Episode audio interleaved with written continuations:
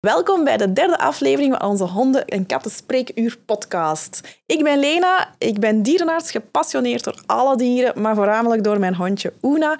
Zij is al tien jaar mijn beste vriendin. Wij trekken door berg en dal, doen verschillende sporten en we delen graag onze ervaring met jullie. Mijn naam is Marco, ik ben ook dierenarts. Ik heb bijna twintig jaar honden gehad, waar ik verschillende dingen mee heb gedaan, zoals schapen drijven, agility, speuren. En die ervaringen en wat ik daarvan geleerd heb, die wil ik graag met jullie delen.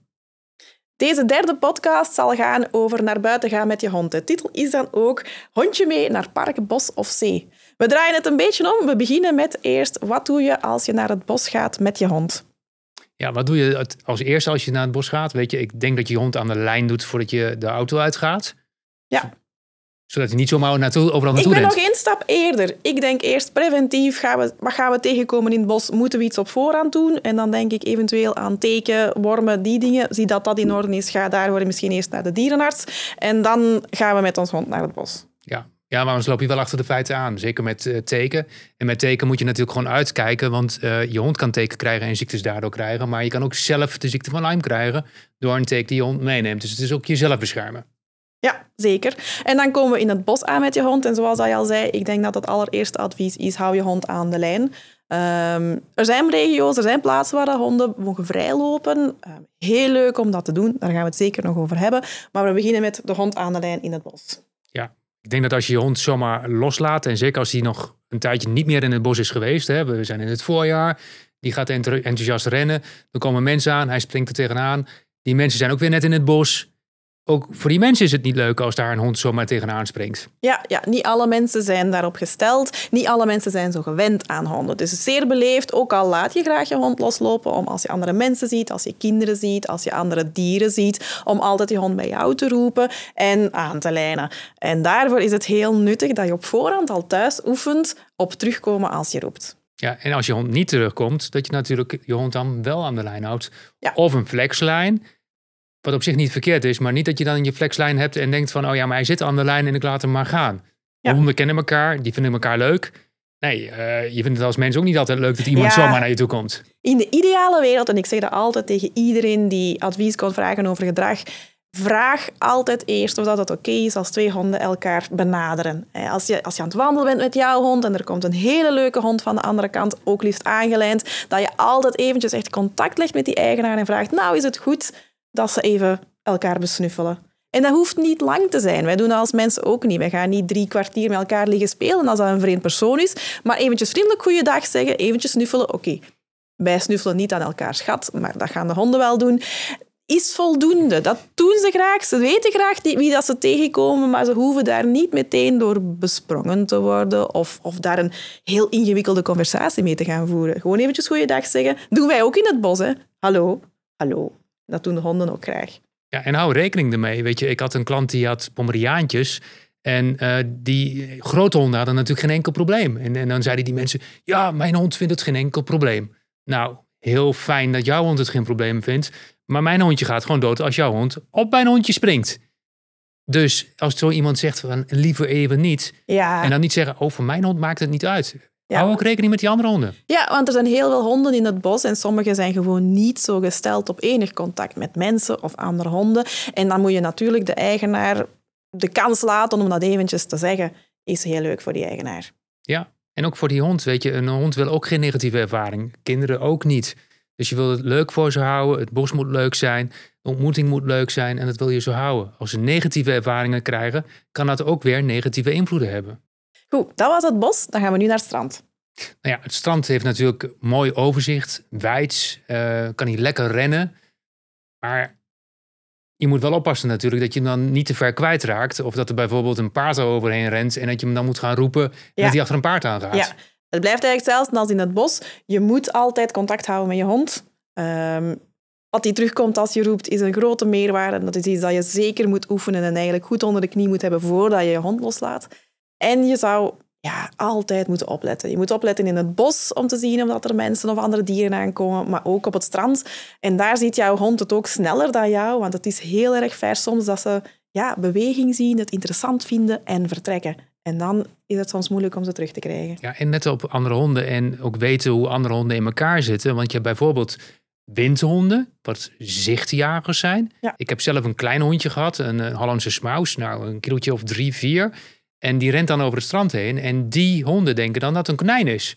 En die gaan er dan op jagen. En dat, als je dat dus niet bij stilstaat, dat is niet spelen. Nee. Dat is iets heel anders. Nee. Dat is gewoon gevaarlijk. Ja, inderdaad. Je moet jouw eigen hond goed kennen. En ook weer daar is mijn advies, zoals altijd. Stel dat je andere mensen tegenkomt met andere honden.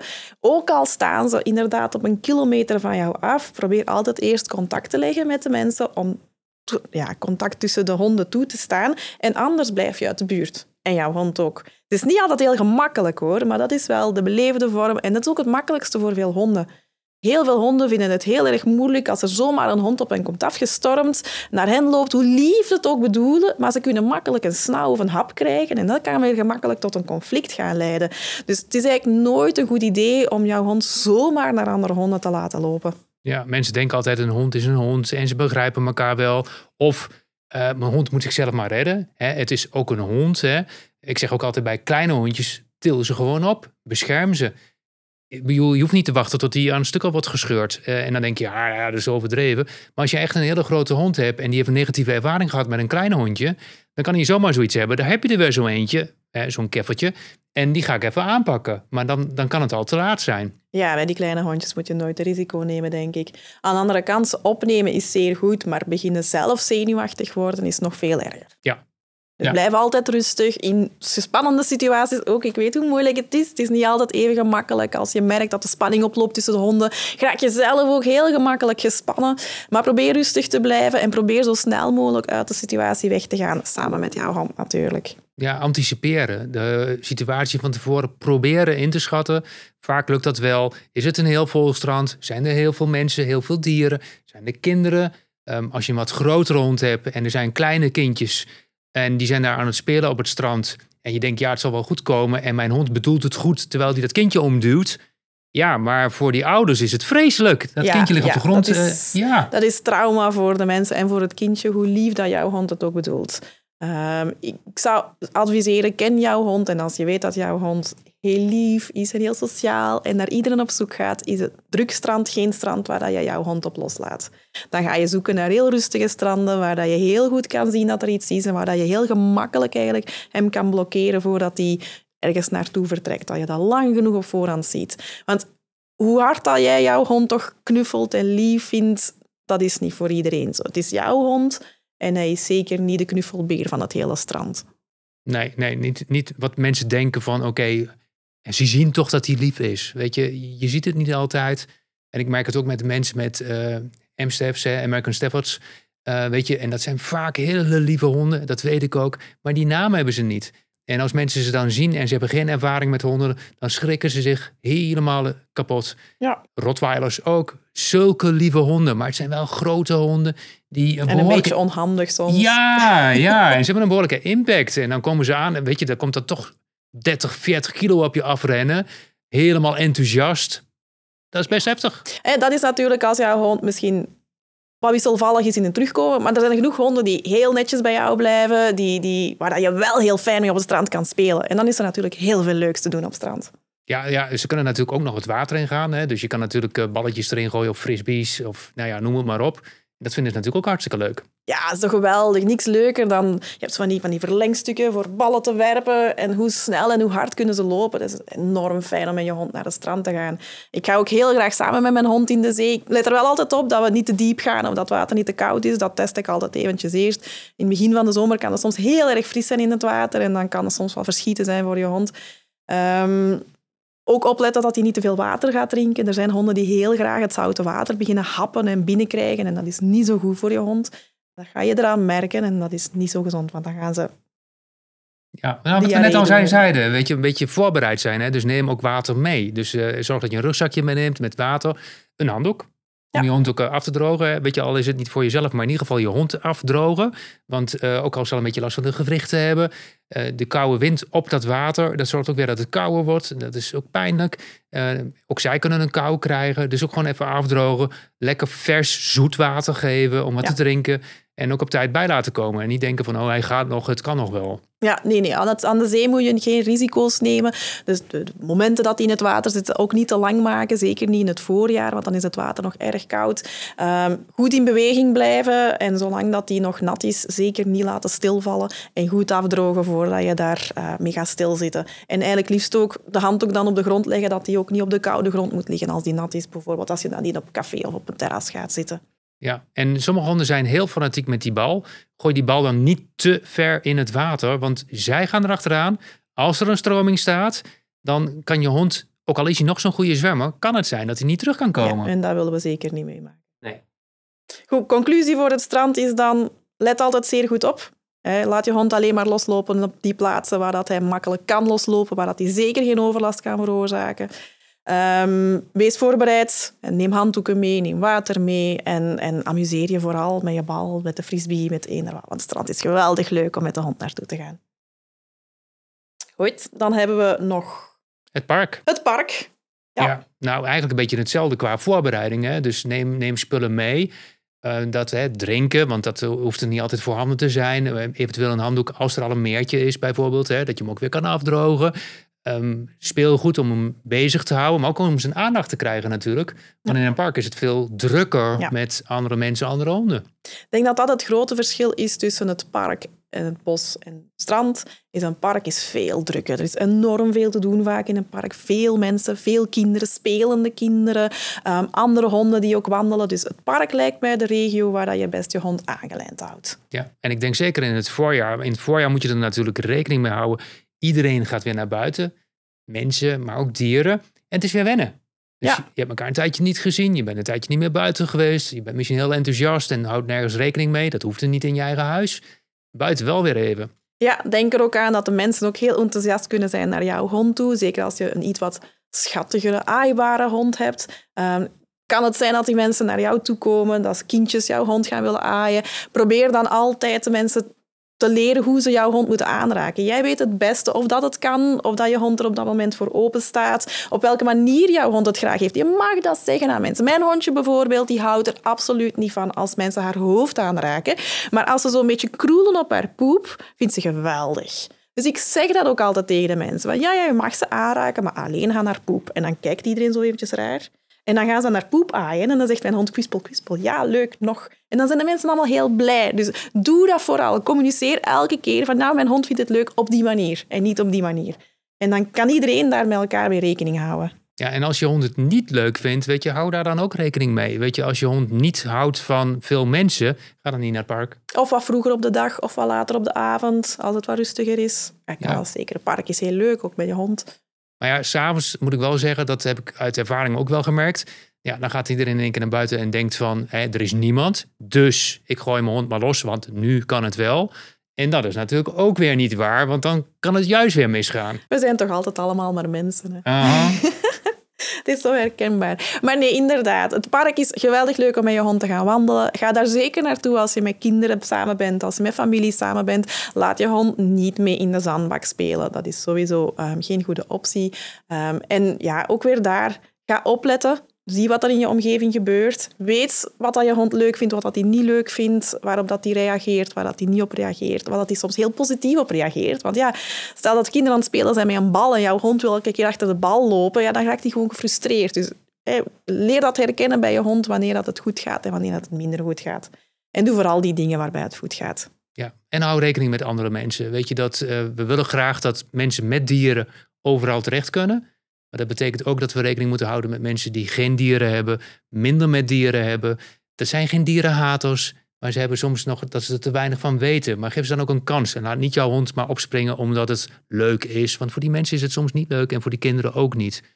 En als wij daar rekening mee houden, dan gaan ze ook waarschijnlijk, hopelijk, met ons rekening houden. Ja, zeker wel. Eigenlijk blijft de conclusie telkens het houden. Als je met je hond naar buiten gaat, als je naar het park gaat, naar de zee of naar het bos, moet je eigenlijk altijd heel goed opletten wat er in de omgeving gebeurt. En moet je altijd heel goed weten wat jouw hond wel en niet kan. Precies. Nu komen we aan het einde van de aflevering over uitjes met je hond. We hebben het natuurlijk heel de tijd gehad over hoe het wel moet en hoe het goed verloopt. Maar we hebben natuurlijk ook heel veel ervaring met hoe het verkeerd loopt. Niet, Marco? Nou, zeker. Weet je, ik kan me herinneren, ik heb ooit opgepast op een beagle. En eh, nou, niet dat de Beagles nou uh, nare honden zijn of zo, helemaal niet. Juist hele schattige, leuke honden. En ehm, ik had hem losgelaten in Utrecht bij het Wilhelmina Park. Daar heb je een heel mooi groot park waar je rond kan lopen. Echt heel erg mooi. Nou, ik heb een rondje gelopen met die hond. En uh, nou, helemaal blij. En ik wilde weer naar huis toe. Ja. Dus ik sla af naar rechts naar huis toe. Ik zie die hond doorlopen. Die kijkt mij aan. Ik zeg, kom. Die kijkt me weer aan en die loopt gewoon door. en ik denk, wat krijgen we nou? Dus ik erachteraan, kom mee. En die ging gewoon doorlopen. A, kende ze het rondje al. En B, had ze zoiets van, wat denk jij? Die stak nog net niet de middelvinger op, hè? Dus ik heb een heel rondje extra gelopen. En ik had haast, ik moest naar school. Uh, achter die hond aan. Ik denk, dit wordt een drama. Ik ga, ik ga die hond niet meer terugkrijgen? En die was veel sneller dan dat ik was. Dat was een jonge beagle, heel actief en heel goed in vorm.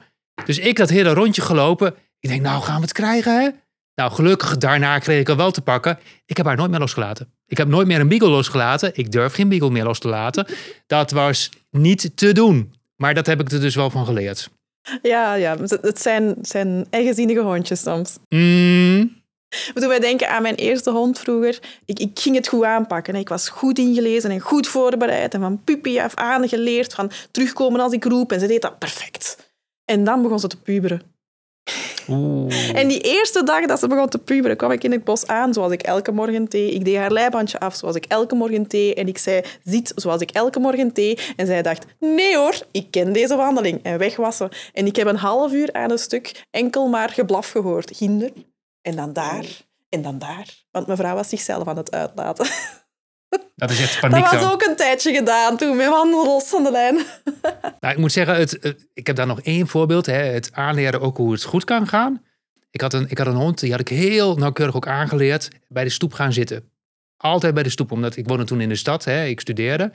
En ik was op de Malibaan in Utrecht. En ik ging een bepaalde kant op. Maar het was echt de hond van het vrouwtje. Ja. Ik had hem los. Ik fiets. En in één keer, ik zag hem al een paar keer kijken. En hij draaide zich om. Ja. Op de Maribaan. En dat is een hele drukke straat. In de Middenberm, dat gaat wel. Maar daarna heb je een hele drukke straat. Ja. En ik deed het in mijn broek. Want ik denk, dit gaat mis. En meneer zat bij de rand van de stoep te wachten. Hij was niet overgestoken, want hij moest wachten. Och, En ik was zo blij dat ik hem dat aangeleerd had. dat pak van uw hart. Anders was hij overreden, ik weet het zeker. Want het was zo'n drukke weg. Dus ja, het kan ook wel heel fijn zijn als je hond wat geleerd heeft en zich daaraan houdt. Weet je, dan, dan ben je blij. Dan ben je heel blij, dat kan ik geloven. Goed, we zijn weer aan het einde van deze podcast met als titel Hondje mee naar park, bos of zee. Bedankt voor het luisteren. Tot de volgende keer.